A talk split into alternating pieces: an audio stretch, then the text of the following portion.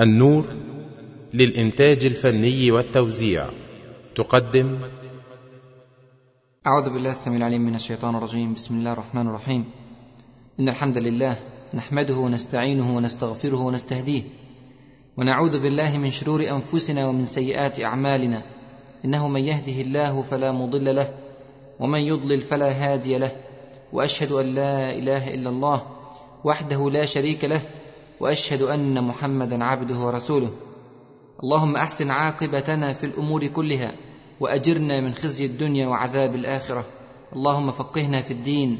اللهم انفعنا بما علمتنا وعلمنا ما ينفعنا وزدنا علما. وصل اللهم وبارك على سيدنا محمد وعلى آله وصحبه وسلم. والحمد لله رب العالمين. ثم أما بعد فمرحبا بكم في هذا اللقاء الطيب وفي هذا الجمع المبارك. وأسأل الله أن يجعل هذا العمل في ميزان حسناتنا أجمعين وأن يجعله حجة لنا لا علينا إنه على ذلك قدير وبالإجابة جدير. أذكر أني قد تحدثت معكم قبل ذلك كثيرا عن أهمية دراسة التاريخ الإسلامي وأشرت قبل ذلك كثيرا إلى أنه لا جديد على الأرض. نعم يا إخوة والله لا جديد على الأرض. التاريخ يكرر نفسه بصورة عجيبة. نفس الأحداث. نفس الأحداث نراها رأي العين فقط باختلاف في الأسماء والأمكنة. دارس التاريخ بعمق كأنه يرى المستقبل ويقرأ ما يجد على وجه الأرض من أمور. دارس التاريخ بعمق لا يخدع بسهولة مهما تعاظمت المؤامرات ومهما تعددت وسائل المكر والمكيدة. دارس التاريخ بعمق يعرف أين يضع قدمه وكيف يقود نفسه ومجتمعه وأمته. دارس التاريخ بعمق كالشمس الساطعة تنير الطريق لأجيال تتلوها أجيال. وقد يمتد أثره إلى يوم تقوم الساعة. كيف لا؟ وقد ذكرنا من قبل أنه لا جديد على الأرض.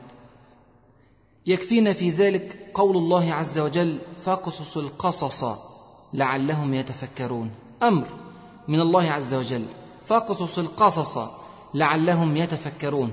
قص القصة أو رواية الرواية لا يغني شيئا إن لم يتبع بتفكر وتدبر. دراسة التاريخ يا إخوة ليست دراسة تكميلية أو جانبية أو تطوعية. دراسة التاريخ ركن أساس من أركان بناء الأمة القوية الصحيحة.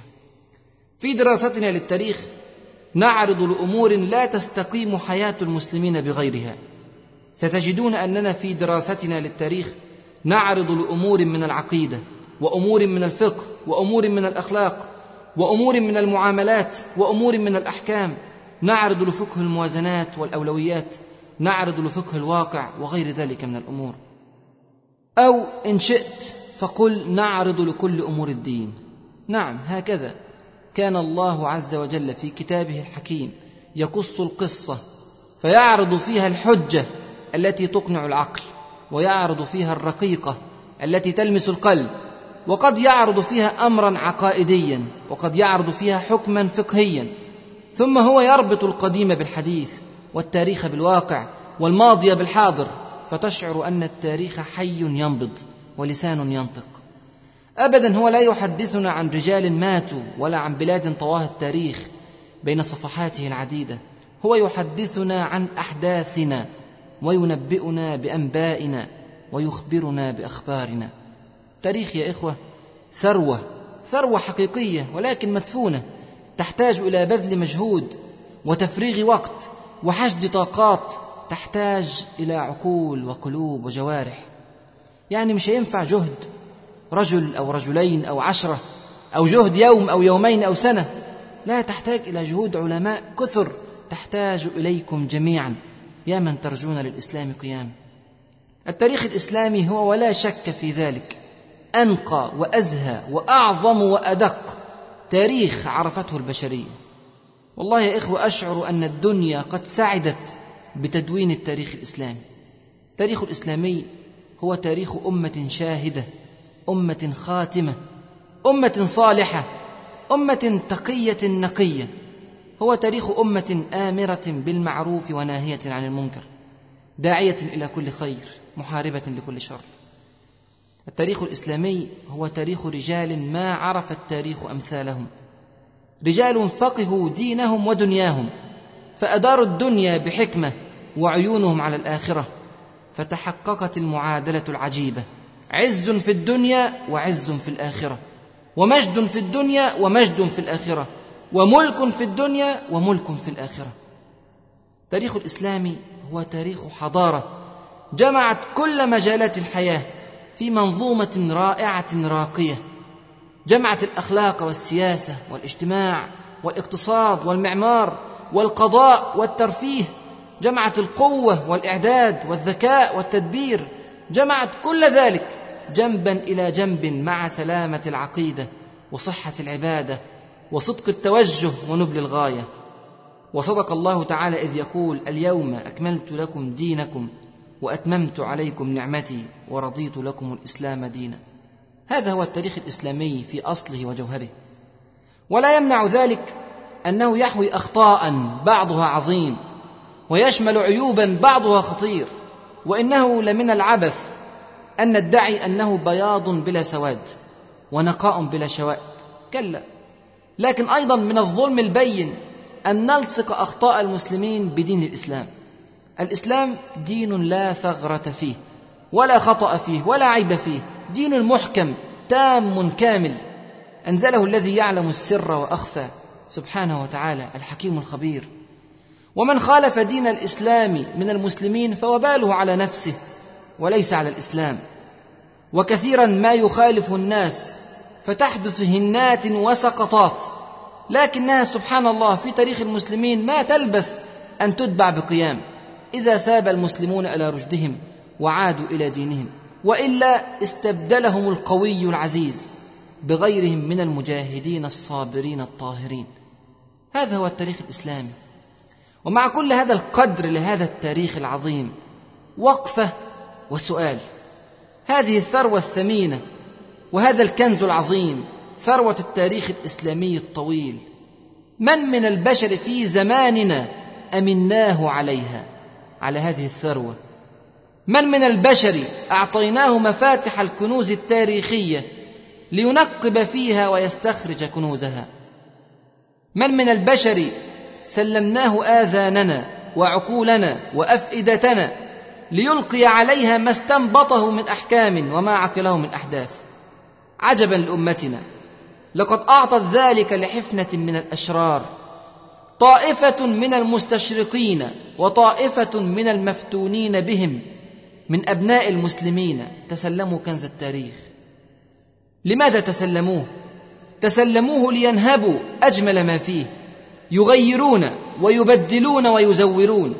فيخرج التاريخ إلينا مسخا مشوها عجيبا. فتقطع حلقة المجد. وينفصل المسلمون في حاضرهم عن ماضيهم كما تنفصل الروح عن الجسد تماما بتمام. انتبه الشباب شباب المسلمين فوجدوا بين أيديهم سجلا حافلا من الصراعات والمؤامرات والخيانات والسرقات. صفحات سوداء تتلوها صفحات أسود. واحتار الشباب في تاريخهم أيمسكونه على هون؟ أم يدسونه في التراب؟ فويل ثم ويل لمن افترى على الله كذبا ليضل الناس بغير علم. وويل ثم ويل لأبناء المسلمين الذين فتنوا بمناهج العلمانيه فصاغوا التاريخ صياغة مشوهة مزورة محرفة.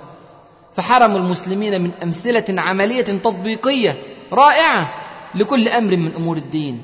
وويل ثم ويل لمن يقدر على التصحيح والتعديل فلم يفعل ولمن يقدر على التوضيح والتبيين فلم يفعل ولمن يقدر على النصح والإرشاد فلم يفعل. يقول جابر بن عبد الله رضي الله عنه وأرضاه صاحب رسول الله صلى الله عليه وسلم إذا لعن آخر هذه الأمة أولها فمن كان عنده علم فليظهره فإن كاتم العلم يومئذ ككاتم ما أنزل على محمد صلى الله عليه وسلم. سبحان الله. إلى هذه الدرجة من سمع طعنا في الصحابة أو في الصالحين من الأمة ثم لم يرد كان كمن كتم ما نزل على الرسول صلى الله عليه وسلم. نعم. لأنه كيف وصل إلينا ما نزل على رسول الله صلى الله عليه وسلم؟ كيف وصل إلينا يا إخوة؟ ألم يصل إلينا عن طريق الصحابة والتابعين وتابع التابعين؟ فإذا طعن في هؤلاء دون توضيح لحقيقتهم الطاهرة لم يقبل ما يأتي عن طريقهم ابدا. وهذا هدم للدين بالكلية. اذا تزوير التاريخ أمر خطير مروع يحتاج إلى وقفات ووقفات ووقفات. لا ينفي هذا أن هناك جهودا مشكورة ومشكورة جدا قام بها رجال مخلصون. وعلماء أجلاء من علماء المسلمين. ونحن في هذه المحاضرات ننقب سويا عن هذه الجهود ونحلل ونفسر ونوضح على ضوء ما فعله علماؤنا المخلصون. ولقد اخترت لكم حدثا هاما جليلا عظيما من أحداث التاريخ الإسلامي. آثرت أن أفرد له مجموعة من المحاضرات حتى ندرسه ونفقهه ونحلله ثم نتحرك به خطوة بل خطوات إن شاء الله إلى الأمام. هذا الحدث الجليل هو استخلاف الرجل الجبل أبي بكر الصديق رضي الله عنه وأرضاه. استخلافه على المسلمين بعد وفاة الرسول صلى الله عليه وسلم.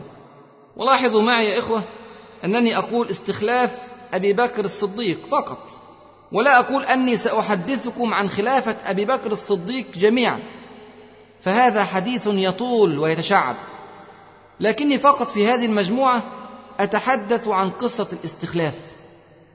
كيف تم اختيار الصديق رضي الله عنه وأرضاه خليفة للمسلمين؟ ما هي الخطوات وما هي التبعات؟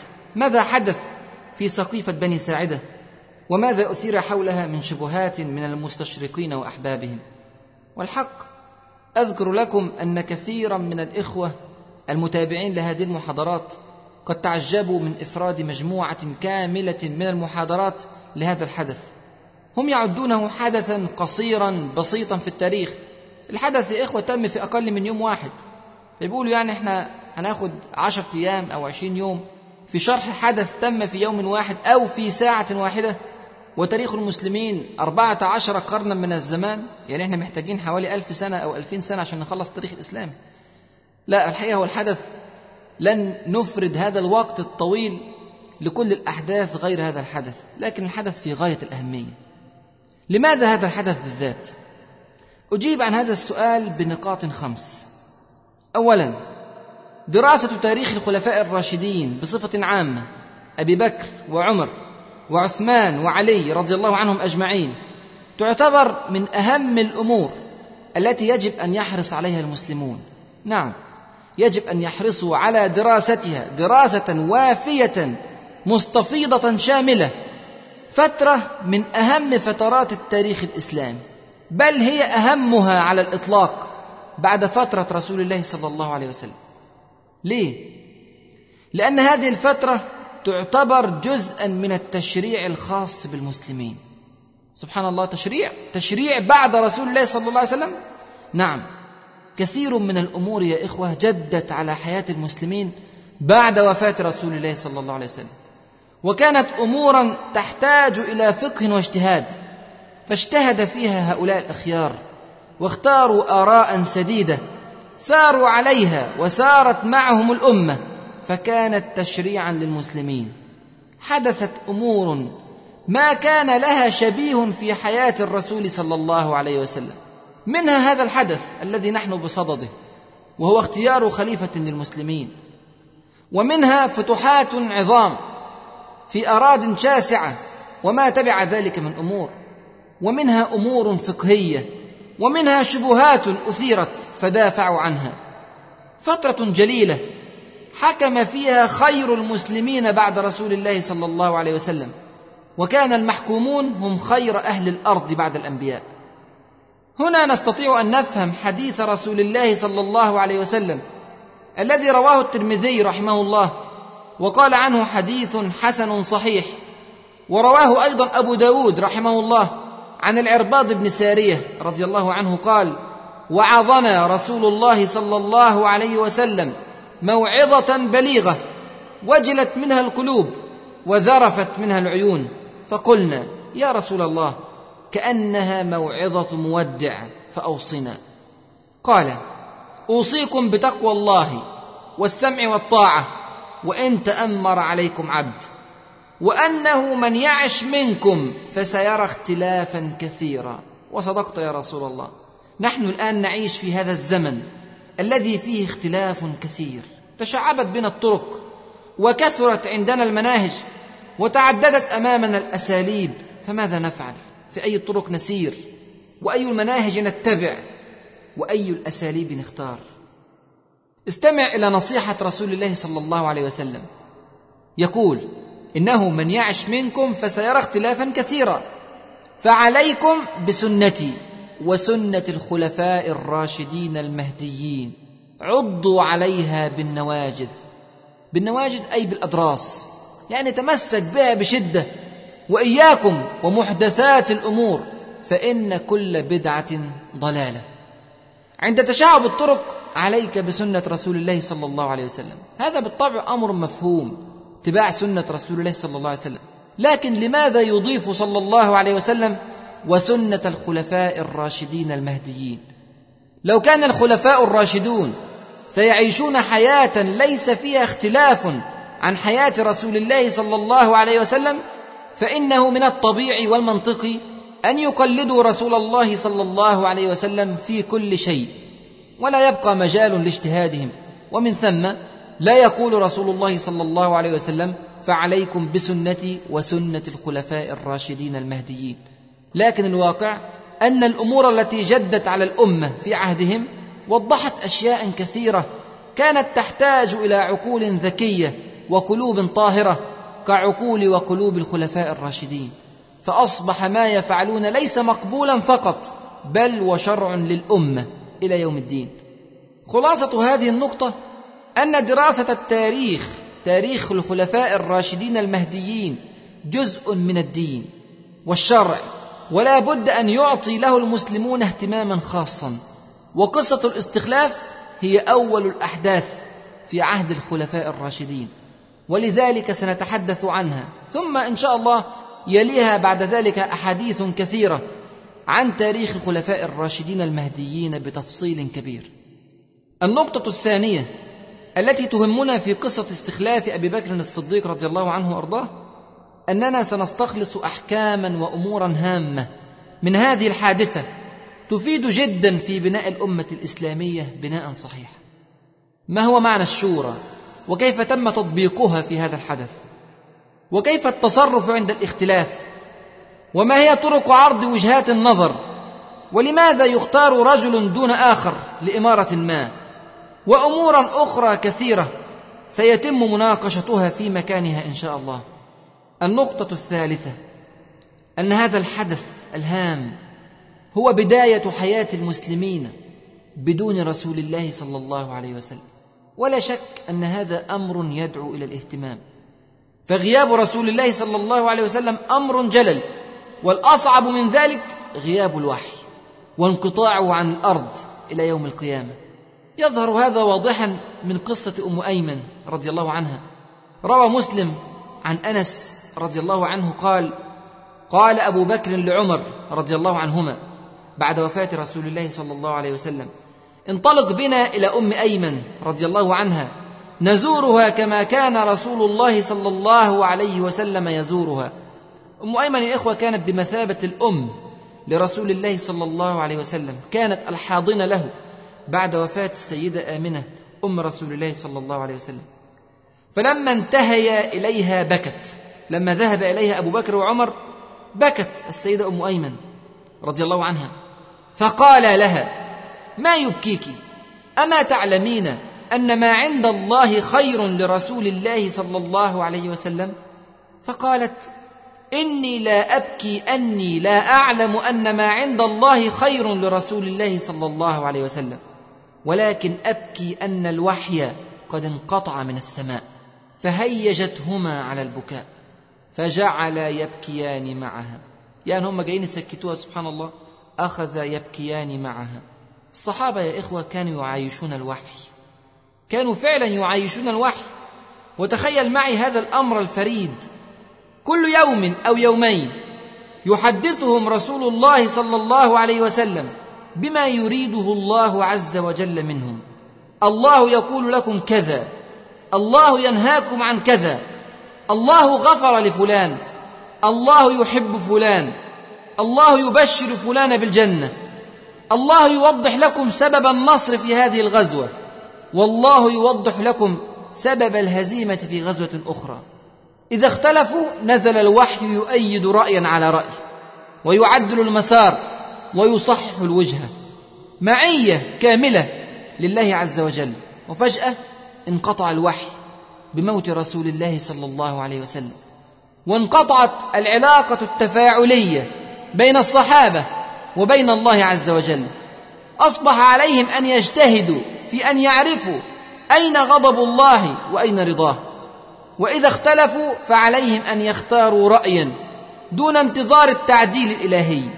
نعم وضع الله ورسوله لهم قواعد محددة للسير عليها ولكن شتان بين الموقف قبل انقطاع الوحي والموقف بعد انقطاع الوحي. حادثة استخلاف أبي بكر الصديق هي أولى الحوادث التي تمت في هذا الجو ولا بد أن في دراستها عبرا لا تحصى وفوائد لا تقدر بثمن. النقطة الرابعة في أهمية حادث الاستخلاف أنه تبعه أحداث جسام في حياة المسلمين ما كانت لتتم لولا أن اختار المسلمون أبا بكر الصديق رضي الله عنه وأرضاه. ليكون خليفة للمسلمين بعد رسول الله صلى الله عليه وسلم. الرجل له طابع يختلف كثيرا عن كثير من الصحابة. سنتعرف عليه إن شاء الله في هذه الحلقات. وستشعر كم كان الله رحيما بالمؤمنين ومسددا لخطاهم لما يسر لهم اختيار هذا الصحابي الجليل لهذه المهمة الثقيلة خلافة المسلمين بعد رسول الله صلى الله عليه وسلم. على سبيل المثال حروب الردة وسنفرد لها إن شاء الله مجموعة خاصة كبيرة من المحاضرات بعد أن ننتهي من هذه المحاضرات. وسترون فيها أنه لولا أبو بكر الصديق لما ثبت المسلمون في فتنة الردة العظيمة. يقول أبو هريرة رضي الله عنه وأرضاه والذي نفس أبي هريرة بيده لولا الصديق استخلف لما عبد الله في الأرض. على سبيل المثال أيضا الفتوح الإسلامية العجيبة لدولتي فارس والروم. أحداث من العجب أن تتكرر على هذه الصورة إلا بقيادة مثل قيادة أبي بكر الصديق. قد يكون من السهل على من تبعه من خلفاء أن يقوموا بالفتوح من بعده لأنه فتح لهم الطريق. لكن يبقى الأثر أعمق والأجر أعظم لمن بدأ بسن سنة حسنة. تبعه فيها الآخرون. حادث الاستخلاف هو النقطة التي انطلقت منها الأمة إلى هذه الأحداث الجسام. لا بد أن دراسة هذه الفترة ستلقي بظلال هامة على هذه الأحداث العجيبة. النقطة الخامسة والأخيرة في أهمية دراسة هذا الحدث الخطير أنه كثر طعن المستشرقين وأتباعهم في كل من شارك في هذه العملية الهامة.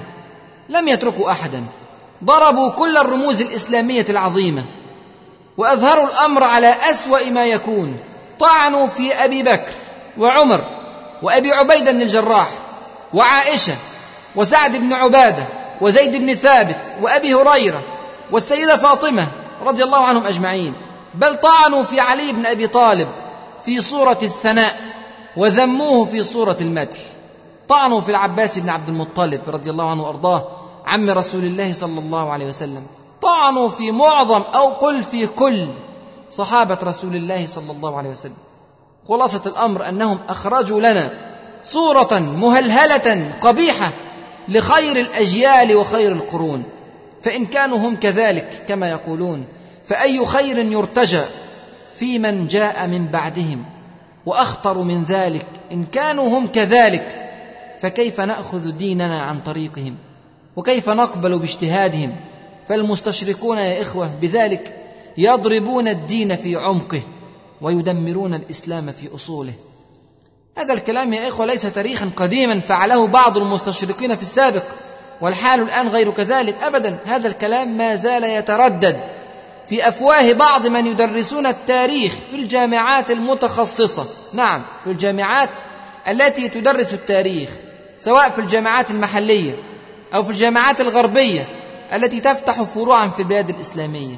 وبالطبع يردد أيضا بكثرة في الجامعات الغربية في خارج الأقطار الإسلامية وذلك لتشويه صورة الإسلام والمسلمين.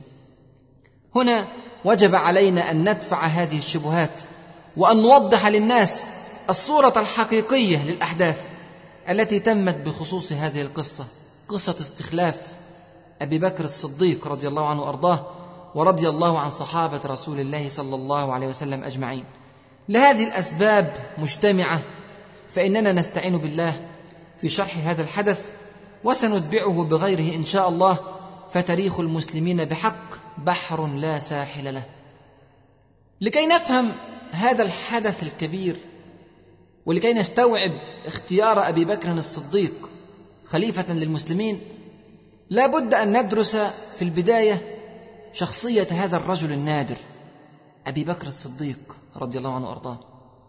لا بد أن نفرد بعض المحاضرات لنعرض لطرف بسيط في حياته نحن لا نستطيع ابدا أن نفتح الباب على مصراعيه لرؤية هذا الرجل العملاق الفذ أبي بكر الصديق رضي الله عنه وأرضاه. نحن فقط كما يقولون يعني بنوارب الباب وننظر على استحياء لنعرف من هذا. ما هي مفاتيح الشخصية عند هذا الرجل العظيم؟ ما سر هذه الرؤية الواضحة عنده في كل الأمور؟ ما سر هذه الدرجة الرفيعة التي نالها في دنياه وفي آخرته؟ أبو بكر الصديق رضي الله عنه شخصية عجيبة جمعت بين طياتها الرقة والشدة والرحمة والقوة والاناه والسرعة والتواضع والعظمة والبساطة والفطنة. شخصية عجيبة جمعت كل ذلك وأضعافه من فضائل الأخلاق والطباع. وهبه الله عز وجل حلاوة المنطق وطلاقة اللسان وقوة الحجة وسداد الرأي ونفاذ البصيرة وسعة الأفق وبعد النظرة وصلابة العزيمة. سبحان الله كل هذا وغيره وليس بنبي. إن هذا لشيء عجاب. أبو بكر الصديق. استمع إلى رأي علي بن أبي طالب رضي الله عنه وأرضاه في هذه الشخصية في شخصية أبي بكر الصديق. حوار لطيف. دار بين محمد بن علي بن أبي طالب مشهور بمحمد بن الحنفية. دار بينه وبين أبيه علي بن أبي طالب رضي الله عنه وأرضاه. أخرج هذا الحديث البخاري رحمه الله. قال قلت لأبي محمد بن علي بن أبي طالب يسأل علي بن أبي طالب يقول قلت لأبي أي الناس خير بعد رسول الله صلى الله عليه وسلم؟ قال أبو بكر. قلت ثم من؟ قال عمر. شيء لطيف هنا بيحدث. محمد بن علي بن أبي طالب يقول وخشيت أن يقول عثمان. هو يعلم قدر سيدنا عثمان بن عفان رضي الله عنه وأرضاه وأن علي بن أبي طالب سوف يتبعه بعد هؤلاء الأخيار. فقال وخشيت أن يقول عثمان فقلت ثم أنت؟ قال ما أنا إلا رجل من المسلمين. طبعا تواضع كبير من سيدنا علي بن أبي طالب رضي الله عنه ورضي الله عن صحابة رسول الله صلى الله عليه وسلم أجمعين. ترى كيف تكون شخصية هذا الرجل الذي هو خير الناس في المسلمين بعد رسول الله صلى الله عليه وسلم؟ قال رسول الله صلى الله عليه وسلم في جزء من حديث رواه البخاري عن أبي سعيد الخدري رضي الله عنه إن من أمن الناس علي في صحبته وماله أبا بكر. من أمن الناس علي كما يقول صلى الله عليه وسلم إن من أمن الناس علي يعني من أكثرهم منة وفضل علي في صحبته وماله أبا بكر.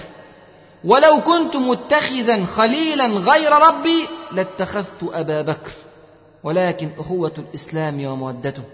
سبحان الله مقامات عالية جدا.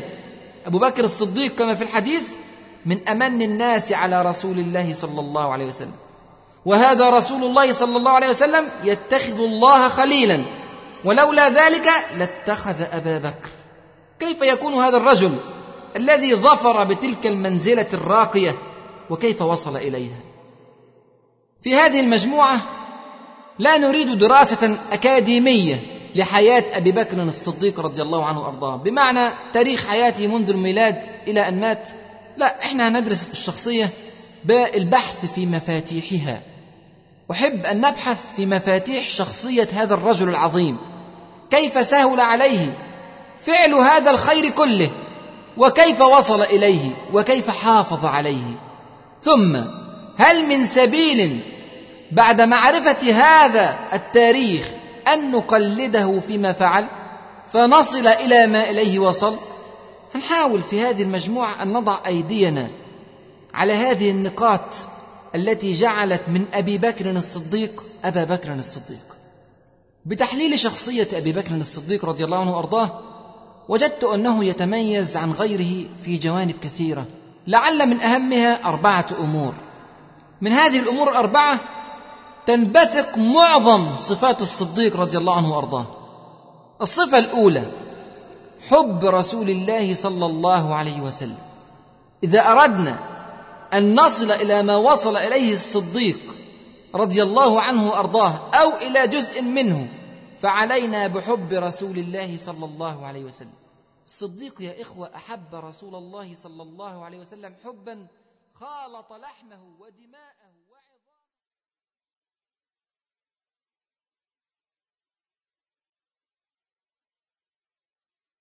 الصديق يا إخوة أحب رسول الله صلى الله عليه وسلم حبا خالط لحمه ودماءه وعظامه وروحه حتى أصبح جزءا لا يتجزأ من تكوينه.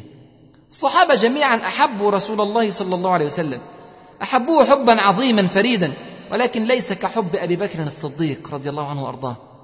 هذا الحب الذي فاق حب المال والولد والأهل والبلد بل فاق حب الدنيا جميعا. وحب رسول الله صلى الله عليه وسلم من مكملات الإيمان. روى البخاري ومسلم رحمهما الله عن أنس رضي الله عنه قال قال رسول الله صلى الله عليه وسلم لا يؤمن أحدكم حتى أكون أحب إليه من ولده ووالده والناس أجمعين. هذا الرجل أبو بكر الصديق رضي الله عنه وأرضاه أشد الناس إيمانا فهو أشد الناس حبا لرسول الله صلى الله عليه وسلم. حديث رسول الله صلى الله عليه وسلم في مسند الإمام أحمد أن أبا بكر وزن بأمة محمد صلى الله عليه وسلم فوزن بهم. وفي رواية أن أبا بكر وضع في كفة وأمتي في كفة فعدلها. اذا هذا الرجل أشد الناس ايمانا وهو أشد الناس حبا لرسول الله صلى الله عليه وسلم. هذا الحب المتناهي له دليل من كل موقف من مواقف السيرة. تقريبا كل المواقف. ولو تتبعت رحلة الصديق رضي الله عنه وأرضاه مع الرسول الكريم صلى الله عليه وسلم لرأيت حبا قلما تكرر في التاريخ. تعالوا لضيق الوقت فقط نقلب بعض الصفحات في حادث واحد من أحداث السيرة النبوية حادث الهجرة إلى المدينة المنورة. فقط هذا الحدث ثم سنتبعه بأحداث في مواقع أخرى من هذه المحاضرات. لما جاء رسول الله صلى الله عليه وسلم لبيت أبي بكر الصديق في ساعة لم يكن يأتي إليهم فيها أول ما قال أبو بكر رضي الله عنه وأرضاه قال فداء له أبي وأمي. والله ما جاء به في هذه الساعة إلا أمر. أمر خطير جاء برسول الله صلى الله عليه وسلم في هذه الساعة في الظهيرة. لم يكن يعتاد صلى الله عليه وسلم أن يأتي للصديق في هذا الوقت في الظهيرة. ولما أخبره رسول الله صلى الله عليه وسلم بأمر الهجرة قال أبو بكر الصديق بلهفة والصحبة بأبي أنت وأمي يا رسول الله. قال صلى الله عليه وسلم نعم الصحبة. فماذا كان رد فعل أبي بكر الصديق؟ لما علم أنه سيصاحب رسول الله صلى الله عليه وسلم. اسمعوا إلى السيدة عائشة تروي تصوير هذا الحدث كما جاء في صحيح البخاري. قالت فوالله ما شعرت قط قبل ذلك اليوم أن أحدا يبكي من الفرح حتى رأيت أبا بكر يبكي يومئذ. يا الله سبحان الله. يبكي من الفرح لصحبة رسول الله صلى الله عليه وسلم في أمر الهجرة. مع أن هذه الصحبة الخطيرة سيكون فيها ضياع النفس. مكة كلها تطارده صلى الله عليه وسلم. وسيكون فيها ضياع المال وسيكون فيها ضياع الأهل وسيكون فيها ترك البلد. لكن ما دام في صحبة رسول الله صلى الله عليه وسلم فهذا أمر يبكي من الفرح لأجله. سبحان الله. لقطة أخرى من لقطات الهجرة عند الوصول إلى غار ثور. ولما انتهيا إلى الغار قال أبو بكر نسمع كده الكلام أبو بكر الصديق. والله لا تدخله حتى أدخله قبلك فإن كان فيه شيء أصابني دونك. فدخل أي الصديق فدخل فكسحه. يعني كنس الغار نظف الغار ثم وجد في جانبه ثقبا فشق إزاره وسدها به وبقي منها اثنان. فألقمهما رجليه. يعني في لسه ثقبين لم يسد. فالصديق رضي الله عنه وأرضاه حط رجليه الاثنين كل رجل تسد ثقب من هذه الثقوب. ثم قال لرسول الله صلى الله عليه وسلم ادخل. فدخل رسول الله صلى الله عليه وسلم ووضع رأسه في حجره في حجر الصديق ثم نام صلى الله عليه وسلم. فلدغ أبو بكر في رجله. سبحان الله. لدغ عقرب حيه شيء لدغت الصديق في رجله ولم يتحرك. مخافة أن ينتبه رسول الله صلى الله عليه وسلم. إيه ده؟ ثم سقطت دموعه على وجه رسول الله صلى الله عليه وسلم. ألم؟ ألم شديد يا إخوة أصابه ولا يريد أن يتحرك. حتى بكى من شدة الألم. فسقطت دموعه على وجه رسول الله صلى الله عليه وسلم فقال صلى الله عليه وسلم ما لك يا أبا بكر؟ قال لدغت فداك أبي وأمي. فتفل رسول الله صلى الله عليه وسلم فذهب ما يجده. يعني الرسول صلى الله عليه وسلم وضع على الإصابة من ريقه صلى الله عليه وسلم فذهب ما يجده من الألم ومن الإصابة. حب عجيب لرسول الله صلى الله عليه وسلم. لقطة أخرى من لقطات الهجرة الجميلة استمع لهذه اللقطة كما رواه البخاري رحمه الله في صحيحه عن أبي بكر الصديق رضي الله عنه وأرضاه. يقول أبو بكر نفسه بيحكي بيقول ارتحلنا من مكة فأحيينا أو سرينا ليلتنا ويومنا حتى أظهرنا. يعني قعدوا ماشيين طول الليل وفترة الصباح الأولى حتى جاء الظهر. وقام قائم الظهيرة. الصديق يريد أن يجد مكانا ظليلا. يأويه هو رسول الله صلى الله عليه وسلم. يقول الصديق فرميت ببصري هل أرى من ظل فآوي إليه؟ فإذا صخرة أتيتها. صخرة كبيرة تحتها ظل. فإذا صخرة أتيتها فنظرت بقية ظل لها فسويته بيدي سبحان الله. بدأ يكنس الأرض تحت الصخرة بيديه. ثم فرشت للنبي صلى الله عليه وسلم فيه. ثم قلت له اضجع يا نبي الله. فاضجع النبي صلى الله عليه وسلم. يعني زي الأم سبحان الله التي ترتب سريرا لطفلها. ثم انطلقت أنظر ما حولي. هل أرى من الطلب احدا؟ قاعد يدور يا ترى في حد بيتتبع رسول الله صلى الله عليه وسلم. فإذا أنا براعي غنم يسوق غنمه إلى الصخرة يريد منها الذي أردنا يعني يريد الظل. فسألته فقلت له لمن أنت يا غلام؟ قال لرجل من قريش سماه فعرفته. فقلت هل في غنمك من لبن؟ قال نعم. قلت فهل أنت حالب لبنا؟ قال نعم. فأمرته خلي بالنا من الكلام وصفة الصديق للحلب. فأمرته فاعتقل شاة من غنمه. ثم أمرته أن ينفض ضرعها من الغبار. يعني ينظف الضرع هذا اللبن سيذهب إلى رسول الله صلى الله عليه وسلم. فيريد أن يخرجه في أحسن صورة.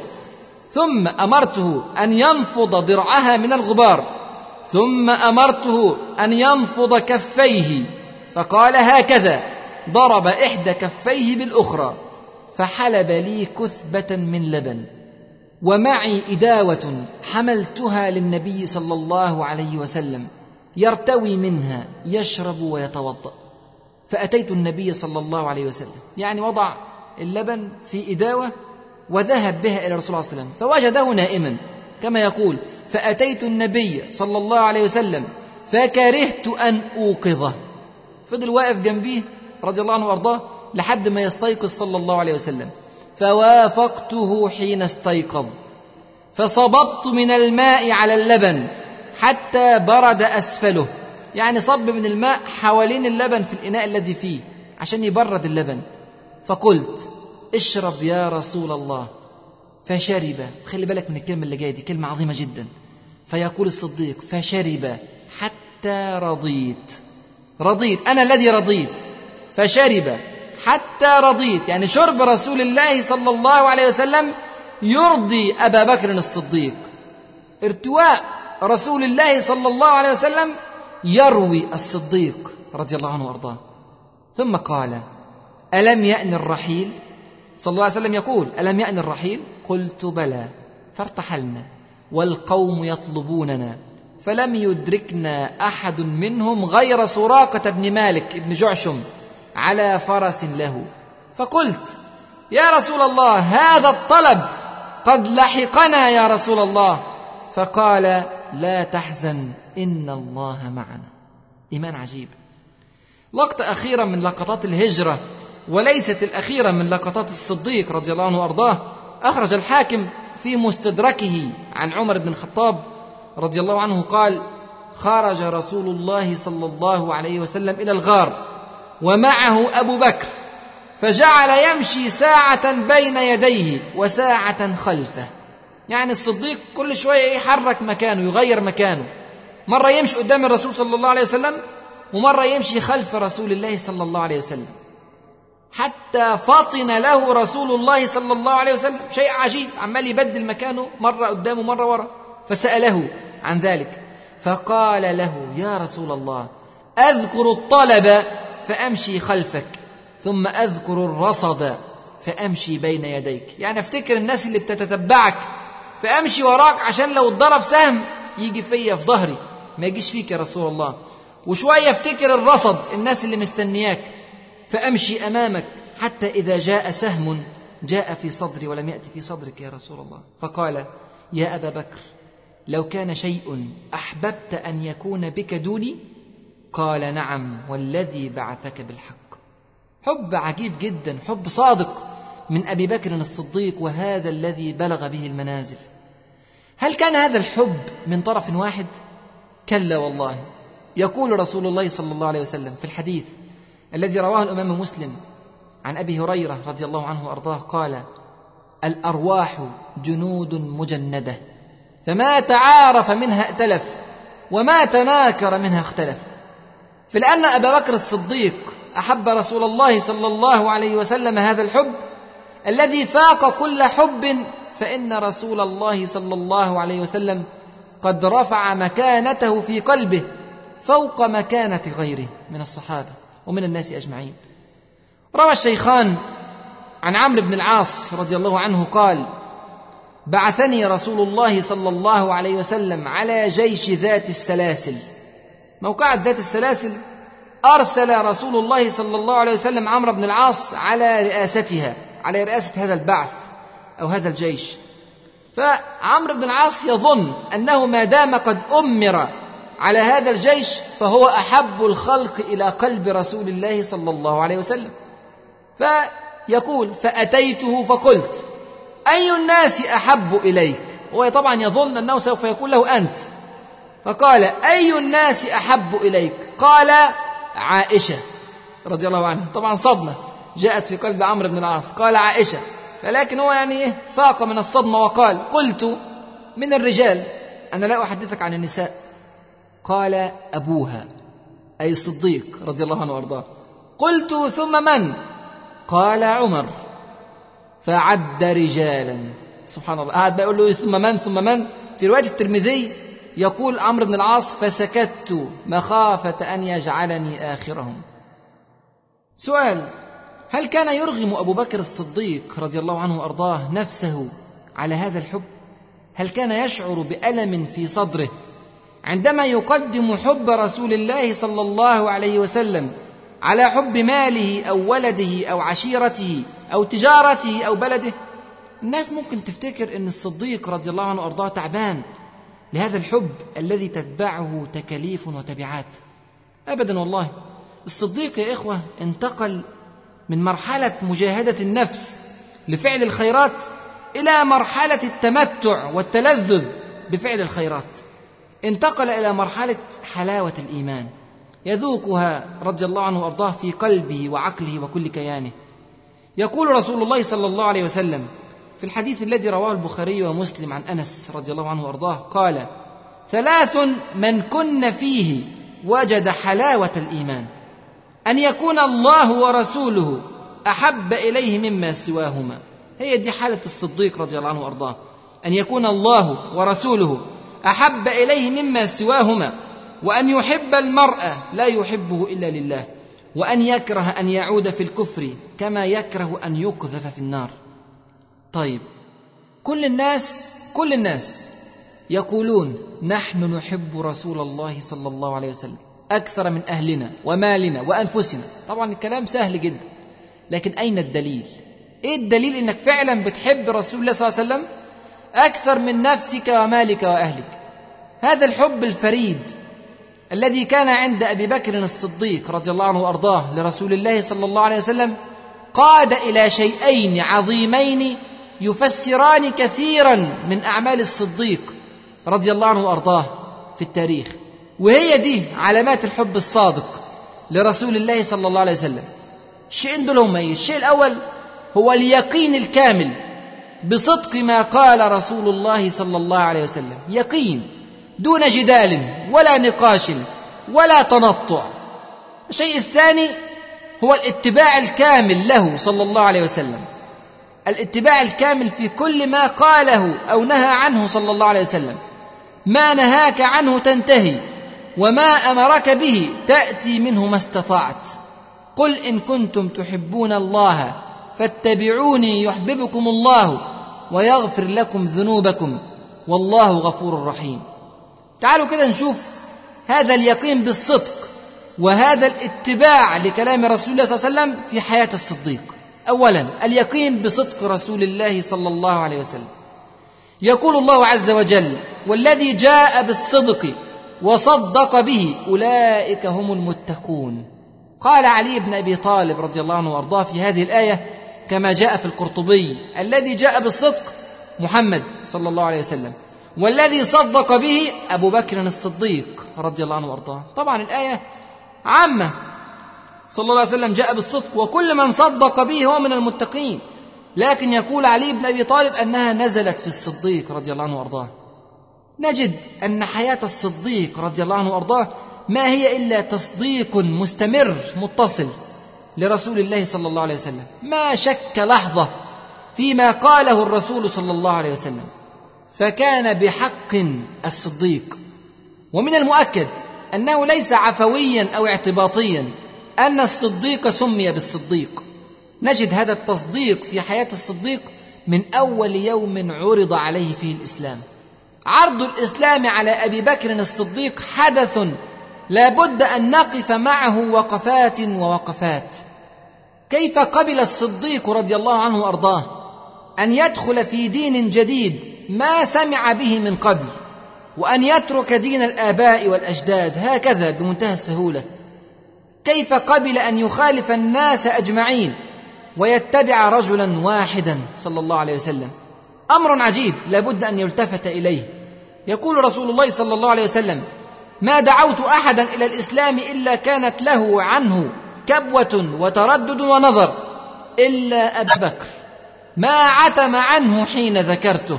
يعني ما لبث وما تردد. ما عتم عنه حين ذكرته وما تردد فيه. يقين كامل. أن هذا الرجل صلى الله عليه وسلم لا يكذب. سنأتي إن شاء الله في محاضرة لاحقة إلى تحليل هذا الإسلام المبكر للصديق رضي الله عنه وأرضاه. لكن هناك حادث يشير فعلا إلى يقين الصديق بكلام رسول الله صلى الله عليه وسلم يشير إليه بوضوح. حادث الإسراء. أخرج الحاكم في مستدركه عن عائشة رضي الله عنها قالت جاء المشركون إلى أبي بكر فقالوا هل لك إلى صاحبك؟ يزعم أنه أسري به الليلة إلى بيت المقدس. وهذا يا إخوة أمر عجيب عجيب جدا. المسافة بين مكة والقدس أكثر من ألف كيلومتر ذهابا فقط. فكيف يذهب ويعود في جزء من الليل وفي هذا الزمن؟ انظر إلى رد فعل الصديق. قال أو قال ذلك؟ أي قال ذلك رسول الله صلى الله عليه وسلم؟ قالوا نعم. قال لقد صدق. لقد صدق. هكذا. حتى دون أن يذهب إلى رسول الله ليستوثق منه. ثم يعطي التبرير لمن يستمع له. يقول إني لأصدقه بأبعد من ذلك. بخبر السماء غدوة وروحة صدقه أنه ينزل عليه ملك من السماء. ثم يعود في طرفة عين. هكذا انظر إلى المنطق الرائع وانظر إلى توابع تطبيق هذا المنطق في حياة المسلمين. يا سلام لو كل المسلمين فعلا يصدقوا بكل ما قاله صلى الله عليه وسلم دون جدال ولا نقاش ولا تنطع هكذا إن كان قال فقد صدق صلى الله عليه وسلم. ويقال أنه لأجل هذه الحادثة سمي أبو بكر رضي الله عنه وأرضاه بالصديق. الثابت أن رسول الله صلى الله عليه وسلم هو الذي سمى أبا بكر بالصديق. روى البخاري عن أنس بن مالك رضي الله عنه أن النبي صلى الله عليه وسلم صعد أحدا صعد جبل أحد يعني وأبو بكر وعمر وعثمان فرجف بهم رجف الجبل فقال أثبت أحد فإنما عليك نبي وصديق وشهيدان. وهذا من نبوءات رسول الله صلى الله عليه وسلم. النبي هو رسول الله صلى الله عليه وسلم والصديق هو أبو بكر الصديق رضي الله عنه وأرضاه والشهيدان هما عمر وعثمان رضي الله عنهما. استشهد في سبيل الله. بل في رواية الحاكم في المستدرك عن النزال ابن سبرة رحمه الله أن الذي سماه بذلك هو الله عز وجل. قال النزال بن سبرة قلنا لعلي يا أمير المؤمنين أخبرنا عن أبي بكر. قال ذاك امرؤ سماه الله الصديق على لسان جبريل وعلى لسان محمد صلى الله عليه وسلم. كان خليفة رسول الله صلى الله عليه وسلم. رضيه لديننا فرضيناه لدنيانا. هذا اليقين بصدق ما قال صلى الله عليه وسلم يفسر لنا أيضا موقفا عجيبا من مواقف الصديق رضي الله عنه وأرضاه. وهو موقف إعلان الحرب على الفرس فور الانتهاء من حروب الرده هذا والله يا إخوة من أعجب مواقف التاريخ إن لم يكن أعجبها على الإطلاق. وتعالوا كده نحسبها بحساباتنا المادية البشرية. دولة المسلمين دولة ناشئة. لا تشتمل إلا على جزيرة العرب فقط. والدولة ليس لها تاريخ في الحروب النظامية. دولة المسلمين ما هي إلا مجموعة من القبائل جمعها رسول الله صلى الله عليه وسلم منذ أعوام قلائل. والدولة خارجة من حروب أهلية طاحنة هي حروب الردة الشديدة والتي ارتدت فيها كل جزيرة العرب باستثناء ثلاث مدن وقرية مكة والطائف والمدينة المنورة وقرية تسمى قرية هجر في البحرين. والفرس على الجانب الآخر دولة تقتسم العالم مع دولة الروم. أي أنها إحدى الدول العظمى في العالم في ذلك الوقت. وتاريخ الفرس قديم في الحروب النظامية. وجيوش الفرس تجاوز الملايين. فعلا ملايين. المسلمين لما كانوا بيفتحوا بلاد الفرس كان أقل جيش بيقابلهم ستين ألف. مرة والتانية والتالتة والعشرة والعشرين. حروب متتالية. كل مرة ستين ألف سبعين ألف. في القادسية يا إخوة كانوا مئتين وأربعين ألف. الجيش الإسلامي المعد لحرب الفرس لم يكن يتجاوز العشرة آلاف. وصلوا إلى ثمانية عشر ألفا عند اكتمال العدة وهو عدد لا يمثل قوة مدينة واحدة من مدن الفرس كل هذا وغيره كما سيأتي إن شاء الله في دروس فتح فارس كل هذا ويأخذ الصديق هذا القرار العجيب بالتوجه لفتح هذه البلاد. لكن عشان تفهم هذا القرار تعالوا بقى نرجع ندرس الموقف في ضوء اليقين الذي تحلى به الصديق رضي الله عنه وأرضاه. اولا رسول الله صلى الله عليه وسلم بشر بغلبة هذا الدين بصفة عامة على كل الأمم. الأحاديث يا إخوة أكثر من أن تذكر في هذا المجال لكن يعني على سبيل المثال ما جاء في صحيح مسلم من قول رسول الله صلى الله عليه وسلم إن الله زوى لي الأرض فرأيت مشارقها ومغاربها. وإن أمتي سيبلغ ملكها ما زوي لي منها. مش فقط الدعوة اللي هتبلغ سيبلغ ملك المسلمين. فرأيت مشارقها ومغاربها وإن أمتي سيبلغ ملكها ما زوي لي منها. الصديق يعرف ذلك ويعرف أن ملك المسلمين سيصل إلى فارس وإلى غير فارس. الأمر الثاني أنه هو الصديق. سمع بشارة من رسول الله صلى الله عليه وسلم أكثر تخصيصا. فإن رسول الله صلى الله عليه وسلم قال لمشركي قريش وكان فيهم أبو جهل أرأيتم إن أعطيتكم كلمة تكلمتم بها؟ ملكتم بها العرب ودانت لكم بها العجم. العجم في ذلك الوقت الفرس والروم. فقال أبو جهل ما هي؟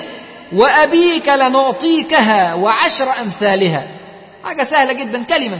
قال صلى الله عليه وسلم تقولون لا إله إلا الله وتخلعون ما تعبدون من دونه. فصفقوا بأيديهم وقالوا أتريد يا محمد أن تجعل الآلهة إلها واحدا؟ إن أمرك لعجب. والله أبو جهل ده فعلا كان أبو جهل. لكن أهو الحمد لله طلع بها الصديق. أبو بكر كان قد قال الكلمة كلمة لا إله إلا الله وصدق بها وعمل بها وجيش أبي بكر كذلك. قال الكلمة وصدق بها وعمل بها فلماذا لا ينصر؟ بل العجب كل العجب ألا ينصر. الأمر الثالث أنه الصديق رضي الله عنه وأرضاه قد سمع بشارة أكثر تخصيصا من تلك التي سبقت. فقد كان مع المسلمين في حفر الخندق في الأحزاب. يوم اعترضت المسلمين صخرة كبيرة فقام إليها رسول الله صلى الله عليه وسلم وضربها وكان مما قال صلى الله عليه وسلم الله أكبر أعطيت فارس والله إني لأبصر قصر المدائن الأبيض الآن. فبشارة في منتهى الوضوح أن أمة المسلمين ستعطى فارس. الأمر الرابع بل هو الصديق رأى بعينه وسمع بأذنه هو دون بقية الصحابة ما حدث في طريق الهجرة من مكة إلى المدينة من أمر سراقة بن مالك. ورأى أقدام فرسه فرس سراقة تسوخ في الرمال. ثم رسول الله صلى الله عليه وسلم يقول لسراقة كيف بك إذا لبست سواري كسرى؟ آه الرسول صلى الله عليه وسلم يبشر سراقة وسراقة حي الآن. سراقة في خلافة الصديق وفي خلافة عمر بن الخطاب بعد ذلك. يقول له رسول الله صلى الله عليه وسلم أن بشرى فتح فارس ستكون قريبة جدا حتى يلبس سراقة سواري كسرى. ثم الأمر الخامس. هو الصديق. حضر بنفسه مباحثات رسول الله صلى الله عليه وسلم مع بني شيبان أيام مكة. ولما رفض بنو شيبان الدعوة الإسلامية لأنهم اشترطوا شرطا ألا ينصروه إذا حارب الفرس فإنهم ليست لهم طاقة بحرب الفرس ماذا قال لهم رسول الله صلى الله عليه وسلم؟ وسمع ذلك أبو بكر الصديق. قال لهم رسول الله صلى الله عليه وسلم أرأيتم إن لم تلبثوا إلا قليلا؟ قليلا فعلا. يعني حوالي عشرين سنة وعشرين سنة في عمر الأمم ليست بشيء. أرأيتم إن لم تلبثوا إلا قليلا حتى يورثكم الله أرضهم وديارهم ويفرشكم نساءهم. يقصد بذلك الفرس. أتسبحون الله وتقدسونه؟ فقالوا اللهم لك ذا. الأمر السادس أكثر من ذلك أنه حدث من الصديق رضي الله عنه ما يذهب العجب منك عندما تعلمه. فإنه في أوائل الفترة المكية نزل القرآن الكريم بمقدمات سورة الروم وفيها ألف لام ميم. غلبت الروم. في أدنى الأرض وهم من بعد غلبهم سيغلبون في بضع سنين. وكان هذا إخبارا بما حدث من هزيمة الروم وبما سيحدث من انتصارهم لاحقا على الفرس. ذهب أبو بكر الصديق رضي الله عنه وأرضاه يذكر ذلك للمشركين يغيظهم به. وقد كان المسلمون يفرحون لنصر الروم لأنهم أهل كتاب. بينما يفرح المشركون لنصر الفرس لأنهم وثنيون مثلهم. فقال أبو بكر ليظهرن الروم على فارس. يقين. ليظهرن الروم على فارس. أخبرنا بذلك نبينا. فصاح به أبي بن خلف الجمحي كذبت يا أبا فيصل. قال الصديق رضي الله عنه أنت أكذب يا عدو الله. قالوا هل لك أن نقامرك؟ فبايعوه على أربع قلائص إلى سبع سنين. يعني أربع من الإبل إلى سبع سنين. طبعا ساعتها ما كانش الامار حرام لما فعل ذلك الصديق رضي الله عنه وأرضاه. فمضت السبع ولم يكن شيء. يعني الروم ما انتصروش على الفرس. ففرح المشركون بذلك. فشق على المسلمين. فذكر ذلك للنبي صلى الله عليه وسلم فقال ما بضع سنين عندكم؟ قالوا دون العشر. قال للصديق اذهب فزايدهم وازدد سنتين في الأجل. يعني كملهم تسعة يبقى أقل من عشرة. وازدد سنتين في الأجل. وزايدهم يعني زود القمار ارفع أربع قلائص إلى أكثر. قال فما مضت السنتان حتى جاءت الركبان بظهور الروم على الفرس. صدق رسول الله صلى الله عليه وسلم وصدق الله عز وجل فيما أنبأ به وأخبر في كتابه الكريم. إذا هل يوقن الصديق بنصر النصارى على الفرس ولا يوقن بوعد رسول الله صلى الله عليه وسلم بنصر المسلمين على الفرس وغيرهم؟ ابدا والله هذا لا يكون. الصديق فعلا كان يوقن يقينا تاما كاملا أن الله سينصره على الفرس وعلى غيرهم. رضي الله عن الصديق ورضي الله عن صحابة رسول الله صلى الله عليه وسلم أجمعين. كانت هذه بعض المواقف التي دلت على يقين الصديق في صدق ما قاله رسول الله صلى الله عليه وسلم. بعض المواقف قليلة من تاريخ طويل للصديق. ويبقى لنا أن نذكر مواقف تدل على حسن اتباعه لما أمر صلى الله عليه وسلم والبعد عما نهى عنه وزجر. لكن هذا حديث قد يطول أؤجله إلى اللقاء القادم. أقول قولي هذا وأستغفر الله لي ولكم فستذكرون ما أقول لكم وأفوض أمري إلى الله. إن الله بصير بالعباد وجزاكم الله خيرا كثيرا. مع تحيات النور للإنتاج الفني والتوزيع.